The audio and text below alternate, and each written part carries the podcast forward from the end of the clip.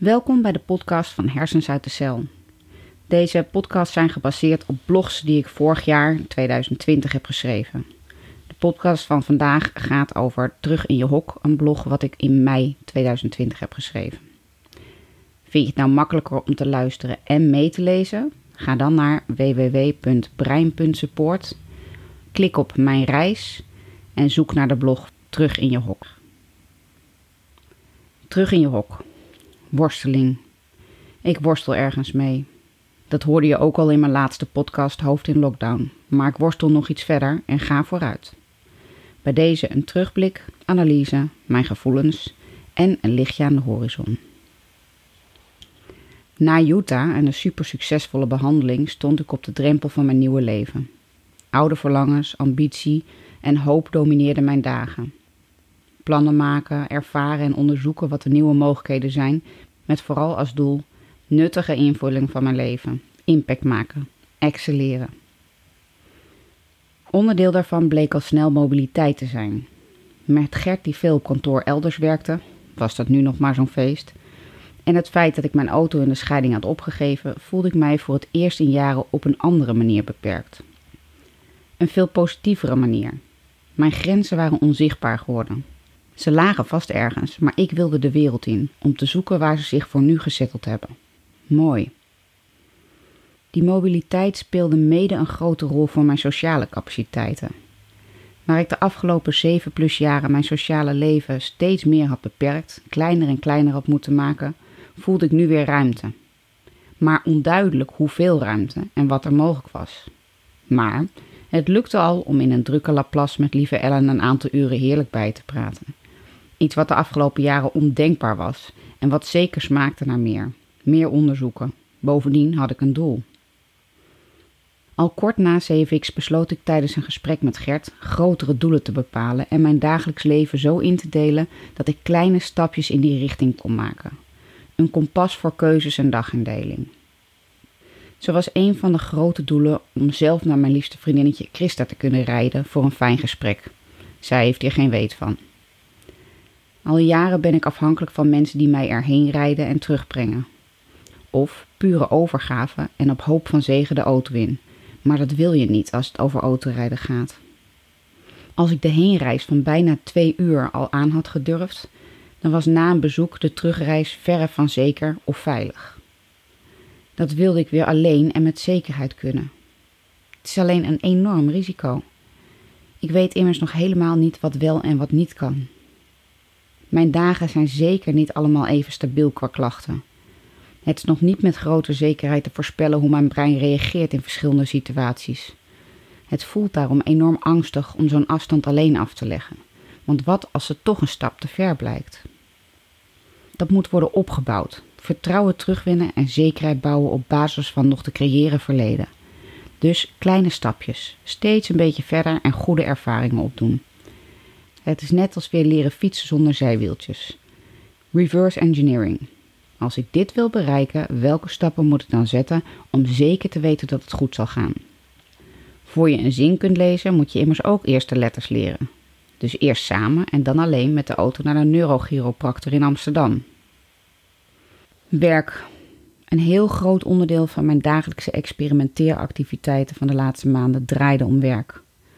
Ook al ben ik er nog lang niet, het verlangen naar betaald werk en weer zelfstandig kunnen bestaan op deze aarde is alom aanwezig. Het werd een belangrijke kompas bij alles wat ik de afgelopen maanden deed en waar ik mee experimenteerde. Vooral ook waar ik blij van werd en energie van kreeg. Mijn doelen bepaalden mijn beslissingen en dagelijkse keuzes. Zo was ik druk met onderzoeken van mijn passie, mijn talenten en vroeg ik mensen welke meerwaarde zij in mij zagen. Ik formuleerde mijn mening weer meer doordacht en zocht naar kansen en mogelijkheden voor de toekomst. Ik bemoeide mij weer meer met de wereld in plaats van dat bewust uit de weg te gaan, zelfs als het wel eens lastig is voor mijn omgeving. Mijn dagen stonden in het teken van experimenteren. Experimenteren in en met het leven. Dat gaf structuur. Ik zocht en vond manieren om een ritme te bouwen in de routine à la CFX. Inspanning fysiek, cognitief en ontspanning en dan weer een rondje. Het bouwen van routines kost heel veel tijd. Dat werd mij al duidelijk gemaakt bij Reade, de revalidatie in Amsterdam. En daar was niks van gelogen. Maar met een doel en een kompas kreeg ik die routine steeds beter rond. En dat valt nu een beetje weg. In de praktijk lag ik dus ook regelmatig van de rails.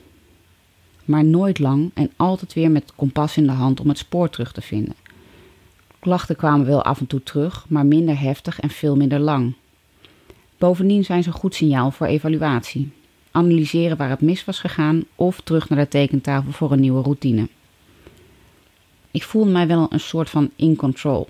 Ik kreeg nog meer bevestigd dat ik niet kan bestaan zonder toekomstperspectief. Een inzicht wat richting geeft en openingen biedt tot onderzoek en experiment. Ik leerde toen meer dan voorheen dat emoties nog steeds te veel van mij vragen. Een lastig gesprek, emotionele reacties, onbegrip, zorgen of verdrietige omstandigheden. Het is stevast een trigger voor een dag goed ziek op bed. Niet erg als je het weet. Ik kan het nu meestal vaak al op het moment zelf voorspellen. Ook niet te voorkomen, want het hoort bij het leven, maar wel een beperking. Eén die ik niet zo snel weg zie gaan. En nu zit ik ineens voor de zoveelste keer in een nieuwe normaal.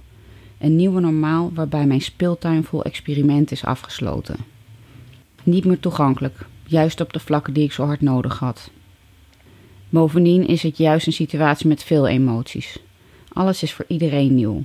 Er bestaat geen handleiding, er zijn angst en frustraties. Gezien mijn medische historie heb ik angsten. Zelfs als je het zo goed bespreekt als wij het doen. Het is niet niks. Mijn cursus Hoe kan ik weer bijdragen stond ineens stil.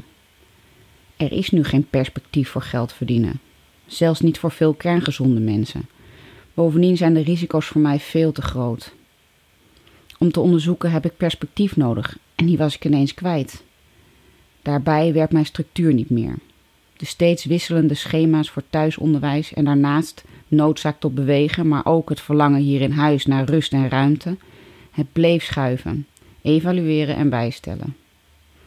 En nu de basisscholen weer gaan beginnen, moet ik weer van vooraf aan beginnen. Als zelfbekroonde expert van sociale isolatie dacht ik dit makkelijk aan te kunnen. Dat bleek toch anders te liggen. Het voelde alsof er hard tegen mij geschreeuwd werd: terug in je hok. Alsof ik met mijn tenen over de drempel van de deur stond richting een leven buiten mijn beperkingen, maar toch niet door mocht lopen. Gevangen op de rand. Ik voelde mij even heel zielig en had heel erg het gevoel dat ik dit niet verdien. Onzin natuurlijk. Het gaat niet om mij. Dat weet ik ook wel. Iedereen heeft hiermee te maken. Ik zat alleen al zo lang binnen. Ik was al zo lang buitengesloten, opgehokt. En nu dan eindelijk weer leek te kunnen. Het was een Calimero momentje van een aantal dagen. Of weken. Schaam. Ik was weer zo druk met mijn zorgtaken. Elke dag Kai begeleiden met huiswerk. Wat ik echt graag doe, maar wat wel tijd en energie kost het huis schoonhouden, want de hulp van de zorg kan ook niet komen. En met zijn vieren thuis is er gewoon echt meer te doen. De hond rustig houden, Gert rust en ruimte geven, Ella een goede ongestoorde plek geven en ondersteunen met school, al doet hij het echt fantastisch zelf. En ik, ik sneeuwde helemaal onder. Ik had ook niet echt iets wat moest, dus moest ik faciliteren wat de rest nodig had. Maar ik zou ik niet zijn als ik toch niet ergens een lichtje kan vinden. Ik begon met een half uurtje eerder opstaan. Dan haalde ik koffie en ging ik in bed liggen lezen. Met een doel. 5% van mijn boek elke dag.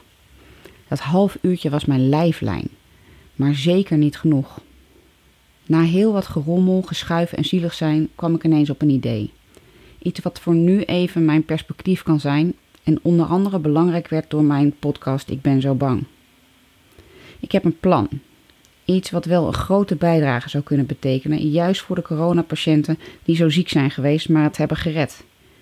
Niet direct iets waar ik onafhankelijk door zal worden, maar wel nuttig voor de maatschappij en nuttig voor mij, want het geeft mij een perspectief, een kompas, iets wat mij een reden geeft om tijd voor mezelf in te ruimen. Wat helpt bij mijn herstel, iets voor mijn toekomst. Makkelijk? Nee, makkelijk is het zeker niet.